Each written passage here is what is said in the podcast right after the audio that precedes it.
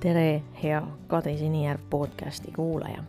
on laupäev, kuues november, aasta on kaks tuhat kakskümmend üks, aga samas sinu jaoks võib olla teine päev, siis võib-olla sa ei kuula seda päeval, mil ma selle episoodi välja lasen.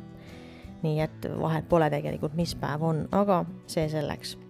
on jälle eestikeelse episoodi aeg, kohe kuulete uut intervjuud ja ma ei tea, miks, aga enamus saatekülalisi on mul olnud naised ja ainult öö, üks mees, esineja või külaline on olnud ja seda eelmisel aastal oli Rauno mul intervjueeritav ja nüüd kohe kuulete Henri Jakobsoni intervjuud ja temaga rääkisime isadusest ja isaduse teemal kirjutab ta ka blogi, nii et see oligi selle intervjuu põhiteema nii et äh, ma loodan, et sa saad sellest intervjuust midagi ka endale, põnevat kuulamist ja tagasiside on rohkem kui oodatud. jaga seda episoodi ka teistele ja ole mõnus, head kuulamist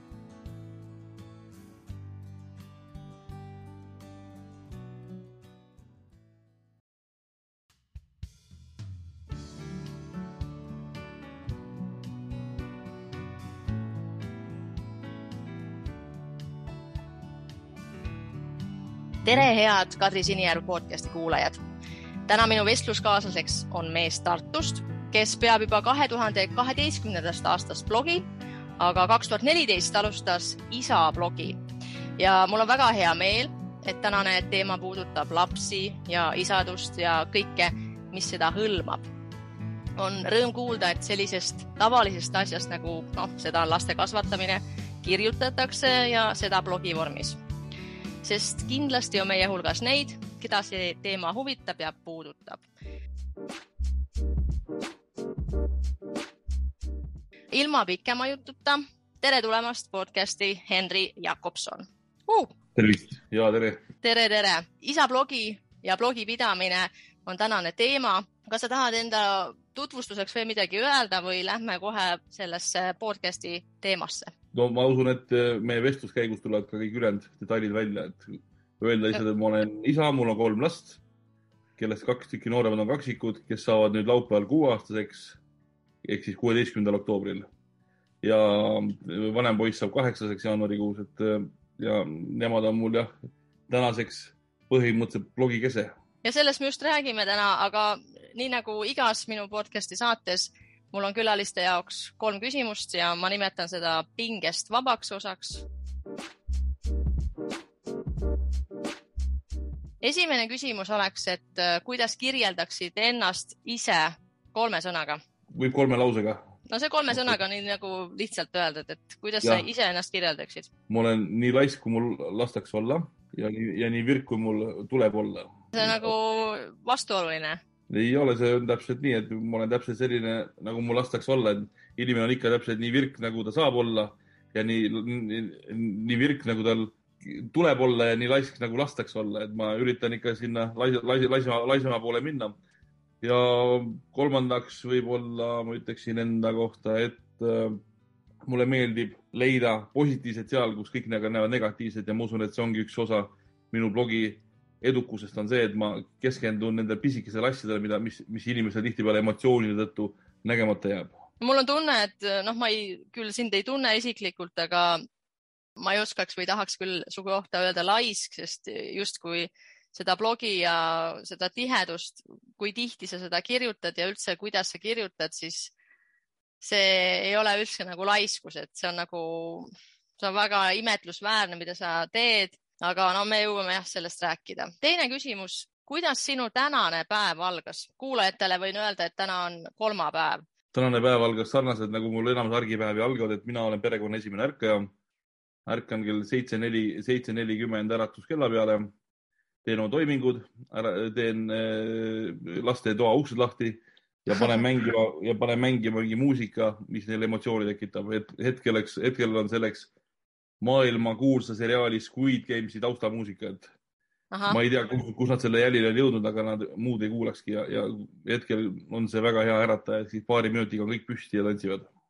ja kas nad nagu ootavad seda, nad teavad, et äh, see tuleb, see iga päev, see tuleb, see muusika? ei, nad vihkavad seda vihkavad. esimesed paar minutit vihkavad seda, aga kuna, kuna, kuna ma ei lase neil eriti pikalt seal kurb olla, vaid ma, ma ikkagi olen niisugune hype man hommikuti, ajan, ajan ikka emotsioonid ülesse, siis nad ikka mõne minutiga nad muutub vihkamine muutub ikka selliseks rõõmsaks olekuks. siis alub alla korrusele ja väike, väike selline niisama esimene päev hommikul multikas, hommikusöögilaud riidesse, hambad pestu ja, ja lasteaeda. sina ärkad äratuskellaga, et äh, ilma, ilma väga ei.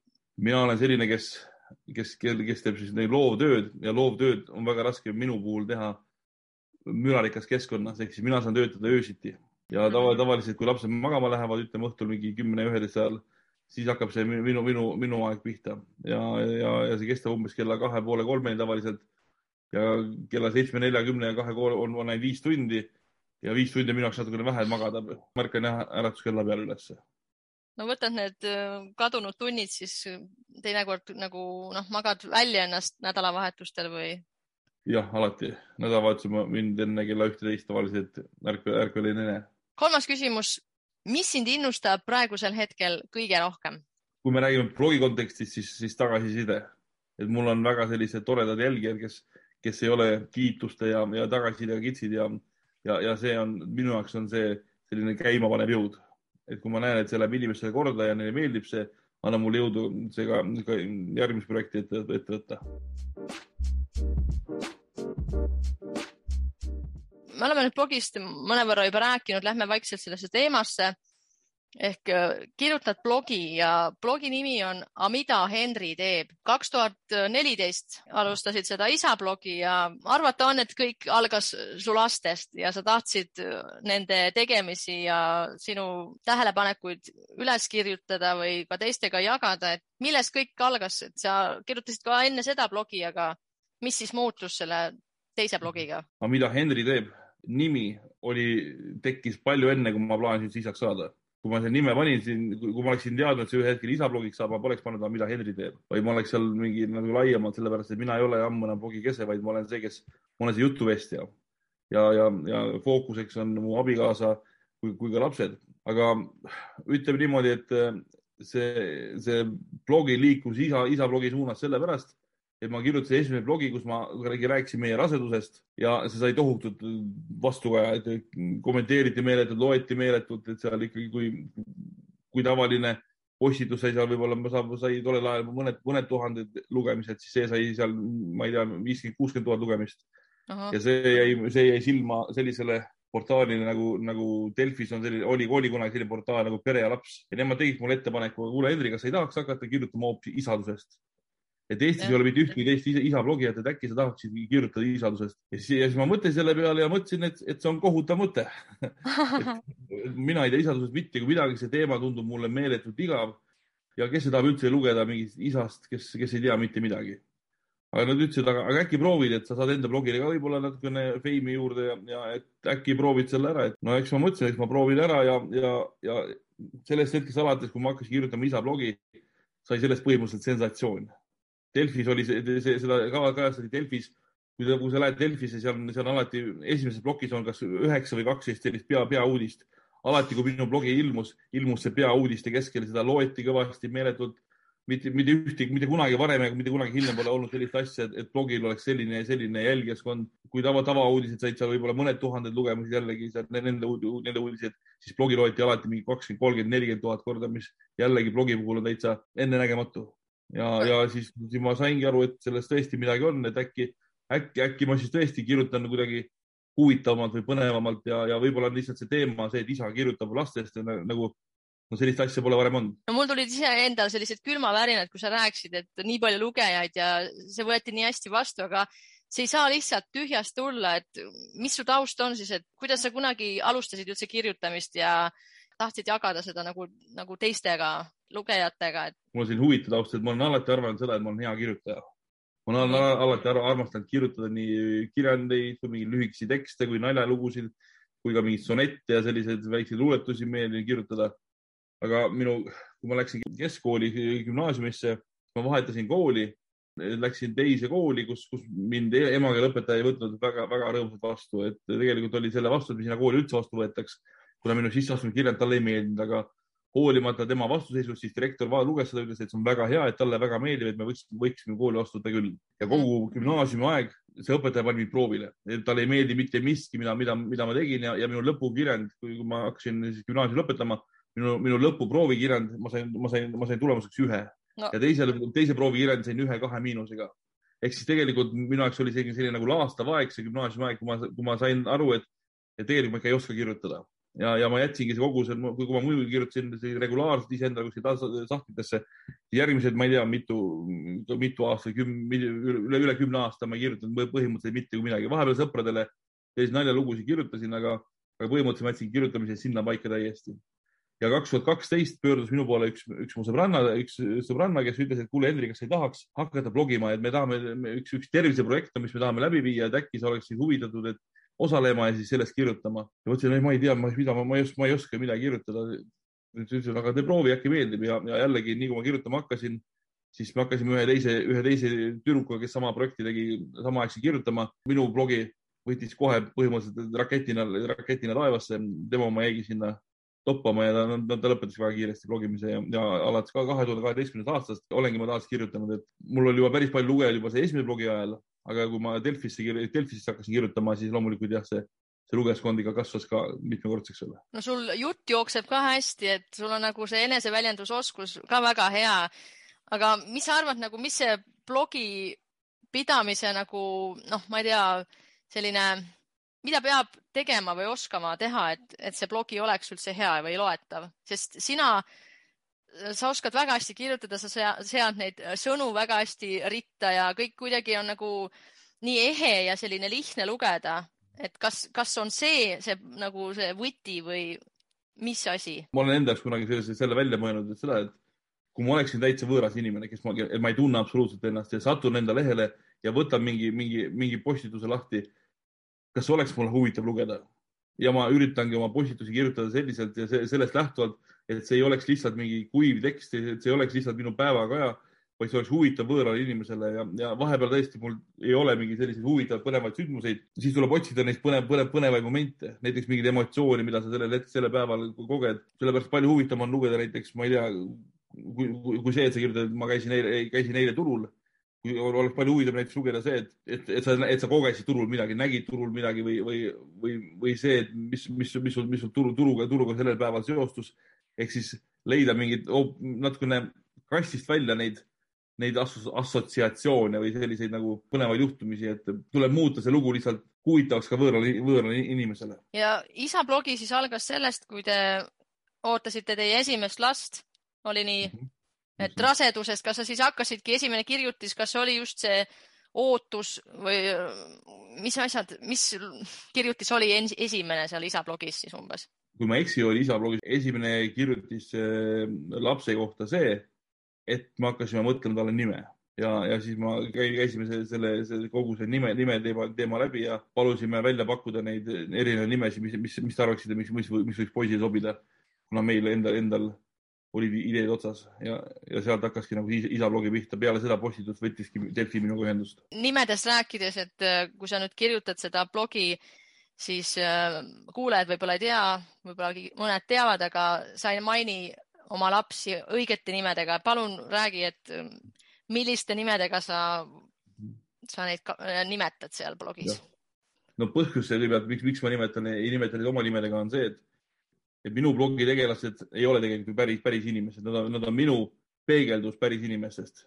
seega, kui ma ütlen, et keegi mossitab, siis tegelikult ei tähenda teda, et mossitab, tegelikult äkki, äkki tal lihtsalt oli paha tuju sellel päeval, et ma ei taha, et, et minu kuvand minu, minu perekonnast oleks see, see päris, päris tõde, vaid see on minu nägemus sellest ja sellepärast ma paningi neile nimed ja näiteks abikaasat ma kutsun enda blogis mitte Kerstiniks, mis ta tegelik, tegelik nimi on, vaid tema nimi blogis on Esiledi. lapsed on siis, vanem poeg on Noorsand ja kaksikud on siis Piiga ja vennas.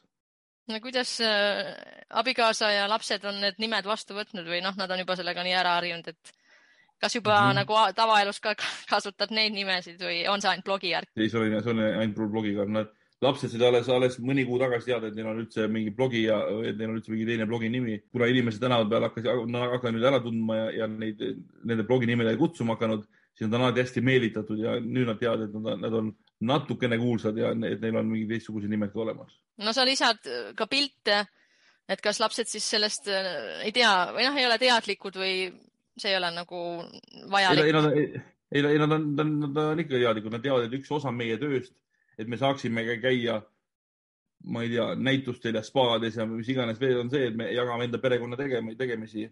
aga samas on neil ka endal kindlad mingid privaatsustingimused, on asjad, kus nad ütlevad, et palun, palun tee must pilti, aga ära seda kusagil jaga. on neil mõned kindlad teadmised. sest me, kui me, kui me teeme blogi jaoks pilti, siis ma, ma püüan neid mitte privaatsete hetkedel tabada, vaid ma ütlen, et kuule, teeme nüüd blogi jaoks, blogi jaoks nüüd ühe pildi, tulge siia ja olge, olge korraks siin. et äh, ma üritan ikkagi hästi ära, ära jaotada seda, mis on meie privaatne elu ja mis on, mis on see, mida ma, mida ma, mida ma soovin jagada. no mulle tundub, et kõik on nagu paigas ja väga hästi nagu reguleeritud teil, et üldse see blogi pidamine või üldse kirjutamine või mina teen podcast'i, siis ikka on vaja nagu mõelda, et kus leida see aeg. Ja noh, need teemad on kindlasti noh, argipäevased, et mis, millega te nagu kokku puutute, aga kui palju sul üldse nagu läheb aega, sa ütlesid, et kirjutad öösel või õhtuti. räägi oma sellest nagu aja kasutamisest või selle leidmisest, kuidas sa nagu teed oma postitusi? tänaseks jah, et, et aega leida, siis selleks, et pidada mingit sellist, sellist, seda tüüpi blogi, see on minu põhitegevus see blog, blogindus on, blogindus ja selline sotsiaalmeedia on tänaseks muutunud minu põhitegevuseks, minu põhiliseks sissetulekuallikaks. sellepärast ma olen, olengi ma valmis sellega rohkem aega pühendada ja kui me mõtleme mingi postituse kirjutamist, siis ütleme niimoodi, keskmine postitus mul võtab aega kusagil kuni, kuni kolm tundi. see, mida teie loete umbes neli kuni viis minutit, läheb mul aega kuni, kuni kolm tundi ja sinna sisse läheb mm -hmm. selline nagu idee planeerimine, siis, siis selle, selle lahti mõtestamine selle kirjapanek, vigade parandus, piltide tegemine, piltide töötlemine ja, ja, ja, ja kõik, ja kõik, kõik sinna juurde kuulub. et kui ma mõtlen, mul on vaja postitust kirjutada, siis ma pean endale planeerima umbes kuni kolm tundi. alla tunni, alla tunni ma ei ole kunagi hakkama saanud, et ma ei ole väga efektiivne kirjutaja, ma olen selline, kes, kes, kes vajab natukene vaikust, natuke rahu, natukene mõtlemist ja siis hakkab ühel hetkel tulema. nii, kui sa öösel või õhtul, õhtul hakkad tegema siis neid postitusi või noh, teostama seda, kas sul on siis mingi paber, kandja või teed kohe arvutisse otse ja on sul oma ruum, kus sa siis seda teed ja mida on veel vaja, et kõik nagu sujuks sul? minu ruum öösiti on minu voodi. oma, oma sülearvuti, sülearvuti seal, oma, oma voodis teen ma, teen ma enda, enda, enda, kirjutised ära, et, et see on kuidagi nii välja, välja kujunenud. ma olen üritanud ka laua taga õhtuti teha, aga siis ma ei tea, mul, ma ütlen, et mul on hästi mugav peab olema, hästi selline nagu pingevaba ja, ja ma tunnen, kui ma kõhuli voodis olen, on mulle see kõige parem mõtte, mõttevoolavus. see ei ole küll mu seljale väga hea, aga, aga, aga ajule on see väga hea. no mulle tundub, et, et sul on ikkagi nagu mingid teemad või järgmised kirjutised läbi mõeldud vähemalt peas või kuidagi idee, idee tasandil, et on sul näiteks, kui, kui praegust hetke mõelda, et siis on sul nagu mõeldud välja, et mis on järgmine postitus või mida järgmisena kirjutada, mida tänasel öösel teha? ütleme niimoodi, et ma planeerin ette koostööpostitusi, et kui on mingi koostööpostitus, siis ma planeerin ette ja ma mõtlen läbi täpselt, kuna ma teen selle ja kuna koostööpostitus on tihtipeale ikka selline, see on, eks see on reklaam, siis ma üritan ka need võimalikult mitte reklaamimaiguliseks teha, et ma üritan austada enda luge, lugejat, et ta ei peaks lugema kellegi teise juttu minu, minu, minu blogis, et, et äh, ma üritan need, need kõik selle, kogu selle reklaami kuidagi selliseks teha, et, et ta loeks ikka, loeks nagu ikka minu blogi ja, ja ma siis üritan seda, seda, seda teenust või toodet, mida ma selle reklaamin, näidata sellena, kuidas me, kuidas, kuidas, kuidas, kuidas see meie eluga nagu, nagu seondub. ja neid asju, neid asju ma planeerin aga kui me räägime igapäevapostitustest või sellistest, siis ei, ma, neid ma ei saa eriti ette, ette, ette, ette planeerida, kuna mul on ikkagi selline nagu iga, iga, igapäevablogi ma ei tea, mis homme juhtub ja, ja igapäevaelus on jah, sellised nagu momendid, mis ma kirja, kirja, kirja panen, ei ole ette planeeritavad. ja no see teebki kindlasti selle asja huvitavaks. et, et ongi nagu iga päev on uus ja erinev ja. aga sa rääkisid nendest koostöödest, et ma olen küll kursis sinu blogiga ja olen näinud, et seal mingid koostööasjad on, aga võiksid natuke rääkida lähemalt, kuidas need üldse on tekkinud, kas kaks tuhat neliteist kohe peale esimesi postitusi tuli sul koostööasjad või, oled sa ise pidanud vaeva nägema või sinuga just võeti ühendust, kuna nii palju lugejaid on ja? ma arvan, et ma olin regulaarselt pidanud isa blogi umbes kaks aastat enne, kui ma esimese koostööpostituse tegin, et, et äh, mul ei olnudki algul, mul ei olnud mitte kunagi plaanis, et ma hakkan mingi koostöös blogiga tegema, et algselt, kui Delfi mind palus mul kirjutama hakata, siis no esimene aasta ma kirjutasin tasuta. siis ühel hetkel ma tundsin, et see, eks ikka, ikka, ikka sealt tuleb palju positiivse, suure positiivse hulgaga tuleb ka päris palju negatiivset nende anonüümsete kommentaaridega, siis ma tundsin ühel hetkel, et ma olen kuidagi nagu tüdinemas või selline nagu ma, ma ei viitsi kirjutada inimestele, kes üritavad iga, iga, iga, iga hinnaga minu, minu tuju nagu alla viia ja ma otsustasin, et ma rohkem enam neile ei kirjuta. ja siis nad tegid mulle rahalise pakkumise ja siis järgmine, järgmine aasta ma hakkasin juba raha teenima ja noh, see tundus jällegi niisugune motiveeriv. et siis ma kirjutasin neile, neile raha eest, aga, aga, aga, aga, aga kuna ma kirjutasin nende enda platvormile ehk siis Delfisse, siis ma ei saanud ka mingit mingi koostööpostitusi teha, et pakkumisi ikka tuli, aga ma ei võtnud neid ühtegi vastu ja alles siis, kui ma lõpetasin Delfiga selle, Delfiga koostöö ära, et ma liikusin nende platvormilt enda, enda blogisse, hakkasid pakkumised tulema ja, ja koostööd, sellise, hakkas mulle sisse, sissetulekut tooma ja see, see on ka, see on ka põhimõtteliselt ainus, ainus, ainus sissetuleku vorm, mis mul blogil on, ongi see, et, ma teen neid koostööid.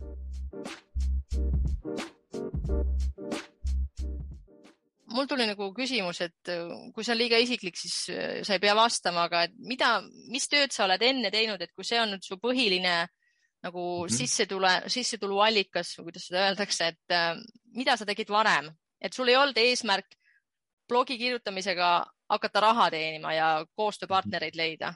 ei olnud ju? absoluutselt mitte, mitte, mul ei olnud mitte, mitte kunagi plaanis hakata regulaarseks blogijaks, kes teenib sellega raha. ja ikkagi nii kuidagi läks? Ikka nii kuidagi läks jah, et eelnevalt eh, olen ma, olen ma müügi ja turunduse taustaga, et ma lõpetasin kõrgkooli turunduse erialal. ja praeguseks, praegusel hetkel ei ole, see ei ole mu ainus töö, see on mu peamine töö on blogindus, aga, aga lisaks on mul ka teine väike enda ettevõtmine, et ma olen suitsetamisest loobumise terapeut, et ma aitan inimestel suitsetamisest lahti saada, et mina kunagine endine peaaegu kolme paki mees, kes tõmbas kolmteist aastat jätsin päevapealt ühe meetodi, ühe meetodiga maha ja nüüd ma õpetan teistele inimestele, kuidas samamoodi maha jätta ja, ja see on minu, see on minu teine, teine tegevus. Oh.. aga enne seda ma olen jah, olen töötanud ekspordi peal, siis ma olen töötanud äh, erinevates ettevõtetes äh, müügiinimesena ja, ja umbes viis aastat ma elasin ka Iirimaal kunagi ja, ja töötasin seal äh, hotellinduses peamiselt. jah, ma olen kõike proovinud mulle tundub või sa ütlesid ka, et neid jälgijaid või lugejaid on väga palju, et nagu palju neid siis praegu on nagu regulaarseid selliseid, kes nagu tõesti nagu iga postitus loevad ja isegi annavad tagasisidet või milline statistika sul on teada? no ütleme, bloginduses on väga alahinnatud, aga väga oluline asi on see, mis sa paned postituse pealkirjaks ja milline on see pisipilt sealjuures. see, see võib mõjutada kuni sada protsenti sellest, mis, mis see blogi loetelu tulemus on. aga kui me võtame sellise tavalise keskmine postituse, kui ma kirjutan, ütleme niimoodi, nad jäävad kõik sinna kuskile kahe poole tuhande ja, ja seitsme poole tuhande vahele. no see on väga palju. see on, see on okei okay.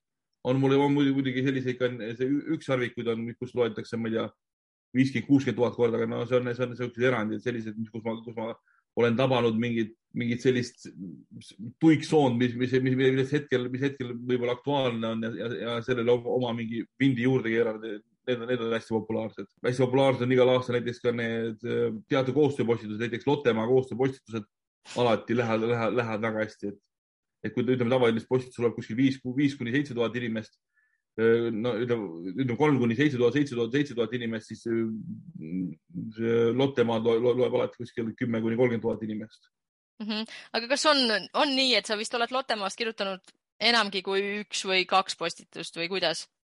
ma käisin, me käime seal iga aasta, iga aasta me kirjutame sellest. jah, ja iga aasta peab ikkagi mõtlema mingi uue vaatevinkli või mingi loo või et ei oleks Täpselt, nagu kattuv. iga, igal aastal ma üritan leida mingi täiesti uue nurga mis, mida, mida, mida, mida, mida ma kajastanud ei ole, et äh, hästi, hästi lihtne on jälle see, et lähed, et ma lähen sinna, kirjutan, me nägime seal Lottet ja Lotte ja Lotte oli hästi tore ja siis me nägime Roosit ja Roosil oli roosa kleit seljas ja lastel oli hästi lõbus ja me käisime ujumas. aga kes seda, kes seda tahab seda lugeda, kes mm. võib, okei okay,, võib-olla mu ema tahab seda lugeda, minu ema jaoks oleks hästi armas ja paneks mul südame seal Facebooki, aga ütleme niimoodi, igal teisel inimesel oleks see lihtsalt mõttetu võõra inimese pläma, et, et ähm, inimesed ootavad ikkagi mingit, mingit sisulist, sisulist asja, mida, mis, kus nad, millega nad suudavad ise samastuda, mingi asi, mis neile endale kasulik võiks olla. ja seda sa oskad siis tabada, et noh, see on nagu vau, tegelikult. mul on kodus üks valge tahvel, mille, millele ma kirjutan ideid peale, kui ma, kui ma, kui mul ei ole asjaga ideid, siis ma kirjutan näiteks a la, et mul ei ole Lottemaaga mitte ühtegi uut ideed.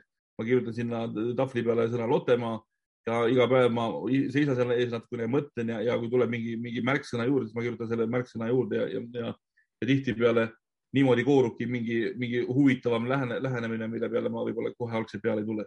ma, ma annan võimalust aega, et mõni postitus tuleb mul selline, et ma istun, istun arvuti taha, mul ei ole mitte ühtegi ideed ja ma hakkan lihtsalt kirjutama. ja, ja, ja ühel hetkelgi koorubki sellest välja aga see on, see on jah, selline nagu, selline nagu pime juhus, aga, aga ma üritan ikkagi, ma tahaks ikka niimoodi, et minu head postitused ei tuleks pimeda juhusena, vaid teatud planeerimisena ja mõelda, mis, mis inimestele võiks huvi pakkuda. no kui sa oled ise suur blogikirjutaja, sul on väga hea kirjutamisoskus, siis kui palju sa ise jälgid teisi blogisid Eestimaal, välismaal, kui palju sul on üldse aega nendega kursis olla? ütleme niimoodi, ma otseselt ei loe. ma hoian ennast Eesti blogindusega kursis aga ma, ma otseselt nagu teadlikult ühtegi, ühtegi teist blogi nagu regulaarselt väga ei loe. no ma ikka, ma ütlen, ma viskan, viskan ikka pilgu peale, kui on jällegi, jällegi, kui on huvitav pealkiri ja, ja, ja tore pisipilt, eks see mõjutab minu, minu, minu, minu otsust ka, et ja, ja see on üks asi, mida ma tahaks ise õppima minna, ma tahaks, et keegi õpetaks mulle Photoshopis, kuidas luua kõige paremaid thumbnail'e. ma arvan, arvan, et see on alahinnatud kunst, mis, mis tegelikult annab, annab kogu, kogu see blogindusele väga palju juurde. ma väga, väga palju ei loe, aga ma siiski, ma siiski olen kursis, ma tean, ma tean, mis, mis on trendid, ma tean, millest, millest, mis mingil ajal hetkel kirjutatakse. Ja välismaistest ma kunagi lugesin, aga, aga, aga kõik, kõik blogid, mida ma lugesin, on tänaseks, on tänaseks lõpetanud, on uued peale tulnud ja, ja ma ei ole ennast uute kurssi üldse viinud. aga siis, kui sina alustasid, kas sul oli mingi selline blogi, mida sa nagu jälgisid ja see oli nagu su inspiratsiooniallikaks või oh, ma tahan ka olla nii hea või niimoodi kirjutada? ja, ja, ja mul oli üks, üks, üks Kanada blogi oli, mida, mida ma Iirimaal, Iirimaal elades lugema, kunagi lugema hakkasin, ta kirjutas aastaid ja siis ma tundsin, et, et, et ma vaibin väga hästi tema selle sellise, sellise huumorisoonega ja ma oskaksin ise ka tegelikult samasugust nalja teha, et ma võiksin ka kirjutama hakata. aga tollel ajal ei kirjutanud peaaegu mitte keegi, vaata mul ei tulnud isegi pähe selle mingi ava, avaliku blogi kirjutama hakata tollel ajal kirjutasid mingi võib-olla, võib-olla Mallukas ja, ja, ja Taki oli kunagi selline blogija. Nemad kirjutasid, aga, aga mul endal ei tulnud üldse pähe, et mina võiks seda teha. nii, me oleme blogindusest ja blogi kirjutamisest rääkinud päris palju. ma tahaks natuke isadusest rääkida, kui sulle sobib. mida isadus on sulle kõige rohkem õpetanud? selline lihtne küsimus või? kõige rohkem on isadus õpetanud mulle ikka ise, iseenda kohta et lapsed, lapsed jah, on tulnud siia ikka meid, meid õpetama, mitte meie õpeta neid. ja, ja nad õpetavad mulle kannatlikkust, nad õpetavad mulle tolerantsust, nad õpetavad mulle mõist-, mõistmist ja, ja nad on tahtnud, pannud mind ikkagi, lapsed on ikka meil pannud, pannud tahtma saada paremaks, et ma olen käinud siin koolitustel, ma, ma harin iseennast selleks, et olla aina, aina parem selles kogu selle isaduse värgis ja selles, selles, selles, mida, mida, mida ma teen et, et on, on nad avanud silmad jah, see, et ma ütlen, et ma isegi, ma ei pea seda eluks, mis mul oli enne laste saamist, et minus avanes niivõrd palju uusi emotsioone ja tundeid ja, ja, ja südant peale, peale, peale isaks saamist. Ja kui keegi ütleb seda, et kui keegi tuleb mulle juurde, ütleb seda, et kuule, ma, ma, ma tean, mis asi on vanemaks olemine, mul on kodus kass või mul on kodus koer, see pole isegi sarnane mitte. Ja see, see, see kogu see jutt on nii naeruväärne.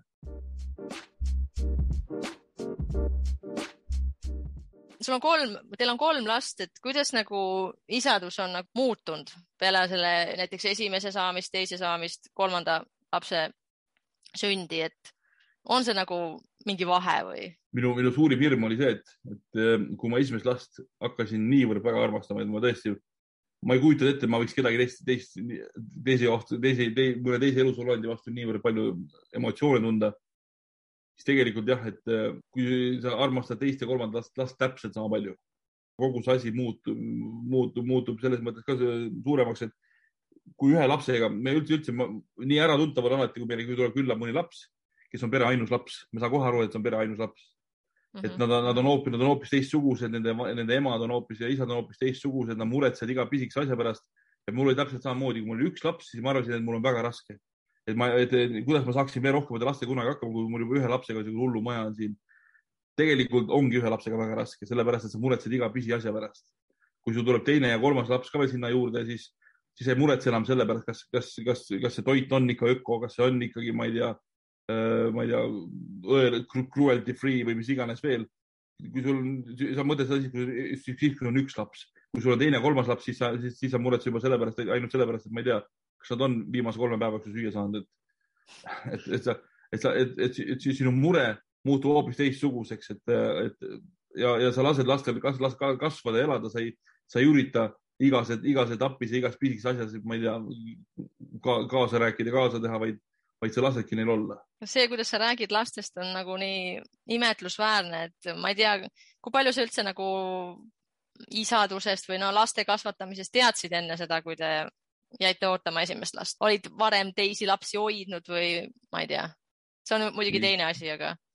ei, ma olen, ma olen öelnud ka seda, et, et noorim laps enne oma, enne kui ma oma lapsi üles hoidsin, siis noorim laps, keda ma üles hoidsin, oli kaheksateist aastane, et et mul ei olnud mitte mingeid kogemusi lastega. mul ei olnud kogemusi lapsi lastega, ma hoidsin lastest eemale, mulle ei meeldinud lapsed. ega mul ka täna ka väga, väga, ma ei ole, ma ei saa öelda, mulle kõik mu lapsed nii väga meeldivad, mulle meeldivad enda lapsed ja mulle meeldivad ja, ja nüüd ma, ma talun lapsi palju paremini ja, ja ma tulen nendega palju paremini toime. aga mul endal jah, et isadusega eriti kogemusi ei ole, et minu enda isa ei olnud suurem asi, isa ega suurem asi inimene, et, et ja selles mõttes oli ta mulle ka väga hea õpetaja, et mul on, mul on väga-väga hea näide omaenda isa pealt, et milline, milline, milline isa ei tohiks olla ja võib-olla see, see on mulle kõige rohkem õpetanud, et ma, et ma pööran hoopis, hoopis teistmoodi, teist, teistele asjadele, asjadele tähelepanu ja, ja, ja oskan ennast paremini kõrvalt, kõrvalt vaadata. ma ütlesin, et see on nagu kuidagi imetlusväärne, kuidas sa nagu räägid oma lastest, see on nagu väga, väga siiras, kuidas sa nagu kõneled neist, et milline argipäev või argielu teil seal on, et kolm last ja teie abikaasaga, et mis teile nagu koos perega meeldib teha või kuidas sa abikaasaga kahekesti saad või kui palju teil on võimalik kahekesti üldse aega veeta ja sinu mm. oma aeg on siis, kui teised magavad? ütleme niimoodi, et see kaheksa aja veetmine kolme lapsega on tõesti keerukas, vähemalt hetke, hetkel on küll, et, et väga raske on leida hoidjat, kes oleks, kes oleks valmis ja nõus hoidma näiteks ma ei tea, ühe öö kolme last. ühte, ühe lapsega saadakse hakkama, kahe lapsega ka veel. kolme lapsega on juba väga keeruline, et ma vahest arvan, me oleme saanud kuskil nad ära poetada näiteks maale vanem, vanema juurde, et siis ise, ise, ise mingi, ma ei tea, sellise nagu õhtu, õhtu, õhtu, õhtu endale lubada aga üheksakümmend üheksa protsenti ajast on ikkagi see, kui me tahame kaheksa aega veeta, siis me kutsume ema külla ja, ja tuleme kolme tunni pärast tagasi. Et see, see on, et see on, et see on äh, parim, mis me praegu saa, saamas oleme.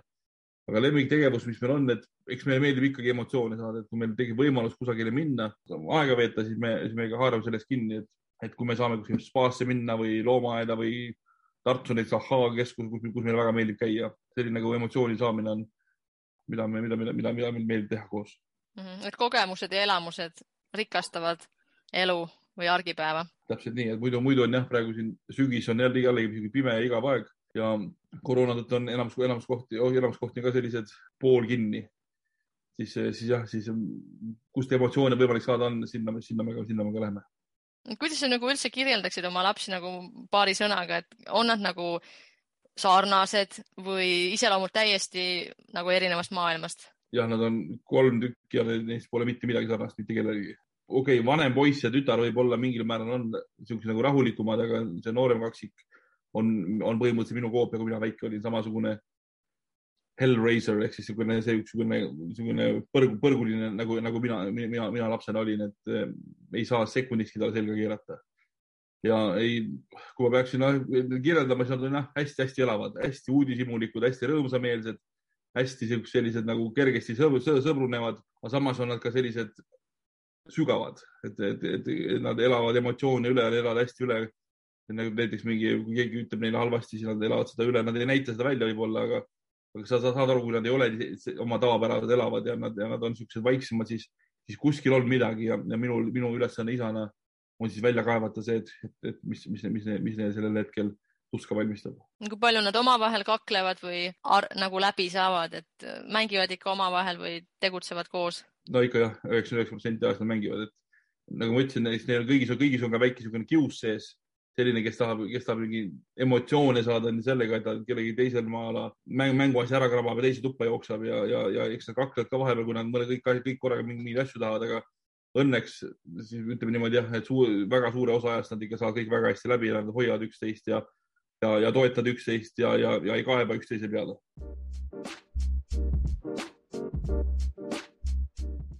Podcasti kuulajate hulgas on kindlasti ka isasid, mitte ainult naisi, emasid või naisi üldse.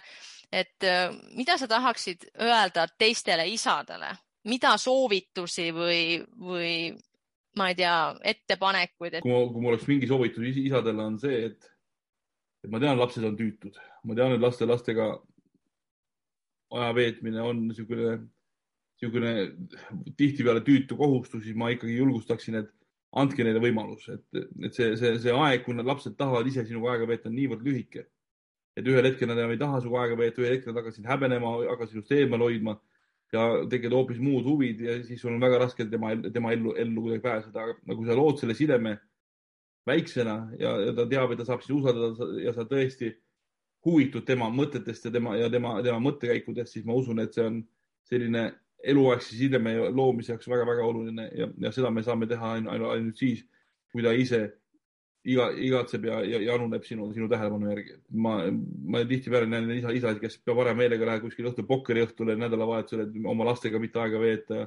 Lähevad kuskile, kuskile, ma ei tea, kalale ja las naine olla kodus, kodu, kodus lapsega üksinda. lihtsalt sellepärast, et see väeksu, väeksumine ja selline pidev tähelepanu nuiamine on, on häiriv, häirima hakanud aga see on nii lühikest aega ja, ja kui sa selle maha magad, siis ma usun, et paljud inimesed võivad kahetseda seda väga pikalt. no nii, nii siirad sõnad, et mul on nagu noh, ma kordan ennast jälle, aga sa räägid väga ilusti oma lastest ja see, et mida sa isaduse kohta teistele meestele või isadele ütlesid, siis ma loodan, et see jõudis paljudele kohale. lõpuks ma tahaksin küsida veel selle blogi teemal, et mis, mis su unistused või suu, nagu mis suund sul on nagu tuleviku osas, et mida sa tahad nagu, ma ei tea, kas saavutada või kuhu sa tahad jõuda selle blogi kirjutamisega? ma tahan, et blogi oleks pidevas arengus, ma tunnen ise praegu seda väikest stagnatsiooni, et ta ei ole enam niivõrd uudne ja põnev, kui ta, kui ta tegelikult varem, varem olnud on ja sellepärast ma loodangi, et ma suudan igasugu uute trendidega kaasa minna, et on trendi, mida, millega ma ei taha kaasa minna, nagu näiteks Tiktokid ja sellised, sellised asjad, ma ei taha kaasa minna. aga, aga selline nagu uuenduslikkus võiks minus püsida veel, veel pikalt, et, et, et see oleks inimestele aktuaalne, nad tuleksid ja, ja huvituksid meie tegemistest. ja indu sul jätkub, motivatsiooni sul jätkub ja ideid jätkub, nii et lihtsalt. ideed tulevad, ide, ideed ja motivatsioon tuleb jooksvalt, et loomulikult mõned päevad on kehvemad kui teised, aga hakata need kehvade päevade pealt mingeid otsuseid tegema ei ole ka väga mõistlik mm. -hmm. paari sõnaga äkki või lausega võiksid nagu mainida, et millist tagasisidet on tõesti tulnud, kas on on, ma ei tea, naised ainult või kirjutavad ka mehed, et vau, mida sa teed, et see on nagu väga äge. suurem osa, kui ma tegin kunagi kolm aastat tagasi, ma tegin tagasiside uuringu, et uurida, kes, et uurida, kes on mu keskmine lugeja, siis selle järgi tuli välja et, et üheksakümmend kaheksa koma neli protsenti minu lugejatest on naised, et äh, ainult üks, üks koma kuus protsenti on mehed, siis mul on hea meel näha selleks seda, et tänaseks on meeste osakaal tunduvalt kasvanud. ütleme umbes kakskümmend protsenti äh, blogi kommentaarides on, on tänaseks kirjutatud juba meeste poolt, et ka meeste osakaal jälgijate seas on, on aina, aina, aina kasvavas trendis, et ähm, ma ei tea, kas need on naiste, need naised on suunanud need sinna blogisse või nad on ise sinna, ise sinna jõudnud. ma tean, et väga paljud naised loevad minu postitusi kõva hääle kodus, kodus oma meestele ette. et mehed ise, ise nagu otsesed jälgijad ei ole, aga nad on jälgijad läbi oma naiste mm. -hmm. aga see tagasiside, mis tuleb näiteks meestelt ja naistelt, kuidas sa seda kirjeldaksid, on need nagu sarnased või mida mehed kirjutavad või ütlevad sulle? No ikkagi mehed on ikkagi hoopis teisel planeedilt jah, et mehed on me,, me, mehed äh, mõtlevad suuresti niimoodi, nagu mina mõtlen. naised on sellised natukene, üritavad mind emalikult ikkagi õpetada või, või siis, või siis öelda, kuidas asjad tege-, asjad tegelikult on. ma olen meelega näiteks oma abikaasat, ma olen meelega enda blogis jätnud endast natuke sellise abitu mulje, et selline, kes, kes ei saa väga hästi hakkama ja, ja, ja, ja abikaasa on teinud selliseid sirgselja, sirgeseljaliseks, et mitte vähendada tema, tema, tema panust meie, meie ellu, sest minu abikaasa on jah, meie pere, pere, pere ikka isegi see selgroog, kes seda pere, perekonda püsti, püsti hoiab. mina, mina olen see toe, toetav jõud siin ja, ja, ja kui ma peaksin siin mingi jällegi mingi tagasiside uuringu tegema, et kes, kes on lahedam, kas mina või esileedi, siis ma arvan, et see jaguneks täpselt samamoodi, üheksakümmend kaheksa koma neli protsenti ütleks, et esileedi ja üks koma kuus protsenti võib-olla ütleks, et mina sellepärast et jah, et ma olen, ma olen lasknud esileidis elada ja, ja, ja mul on hea meel, et, et, et tema selle positiivse tähelepanu enamus endale saab. äge. kolmas osa mul podcast'is selline Soome osa, see ei, see ei kattu üldse teemasse mm. -hmm. et mhm. ma ise elan Soomes ja olen pikemalt juba siin elanud, et ma mind nagu tun-, noh, ma sooviksin küsida, et kuidas milline kogemus sul on Soome kohta või Soomest ja mida tahaksid kuulajatega jagada? ma tean, et mul oli kunagi kirjasõber Oulust nii, aga Soomega äh,. Soome on meid kutsutud korduvalt, näiteks äh, ma, ma nüüd jään hätta selle, selle lõbustuspargi nimega, ütle sina mulle. Särganniemi või Linnamägi? Linnamägi. Linnanmägi Helsingis, jah. kutsus, kutsus, kutsus meid mõni aasta tagasi küll, aga olid kaksikud olid liiga väiksed, et ma otsustasin mitte tulla nüüd nad pole rohkem, rohkem hetkel veel kutsunud, kuna see kogu see koroona asi tuli peale. aga, aga Soome on kindlasti koht, kus me, kus, kus, kuhu ma hea meelega lähen, sest mul on tekkinud selline seos, et see on selline hästi lastesõbralik ja üldse inim, inim, inimsõbralik koht ja, ja minu lapsed, kes pole veel kunagi välismaal käinud, ma usun, et meie esimene välisreis saab olema kus, kusagil, kas Linnamägisse või, või kusagil, kusagil, kusagil Soome ja ei no Linnamägi on kindlasti see, mida ma soovitan ja Soome või Helsingi loomaaed Korgeasaari on ka külastamisväärt koht. ja seal kuskil Linnamäe kõrval pidi kohe olema mingi akvaarium ka, mingi suur mingi kala, kalaasi vist. ja, ja see kõrval on Sea Life ja, ja, ja. jah, ja, ja, ja teine asi, mida nad väga-väga unistavad, on käia ikkagi seal äh, jõuluvana külas ära, et, et äh, eks sellised lihtsad soovid on ja, ja jällegi ma tahan pakkuda elamusi ja need kaks asja on jällegi, mis kindlasti Soomes mis esimese asja mul, mul pähe tulid? ma loodan, et äh, see koroona ja kõik see, noh, ma ei tea, ma ei tea, eriolukord mitte, aga kõik see olukord siin muutub normaalsemaks juba varsti ja te saate siis siia Soome poole ka juba tulla ja. mul on siiralt hea meel, et me, et sa leidsid aja, et minuga siin podcast'is vestelda. mul tuleb kindlasti pärast pärast seda jutuajamist veel küsimusi, aga ma usun, et me saime päris palju räägitud ja mul on lihtsalt nagu väga hea meel, et, et sa tegeled sellise blogiga ja, ja ma soovin sulle kõike, kõike paremat ja häid ideid. aitäh, Henri. ja aitäh sulle. aitäh. oli rõõm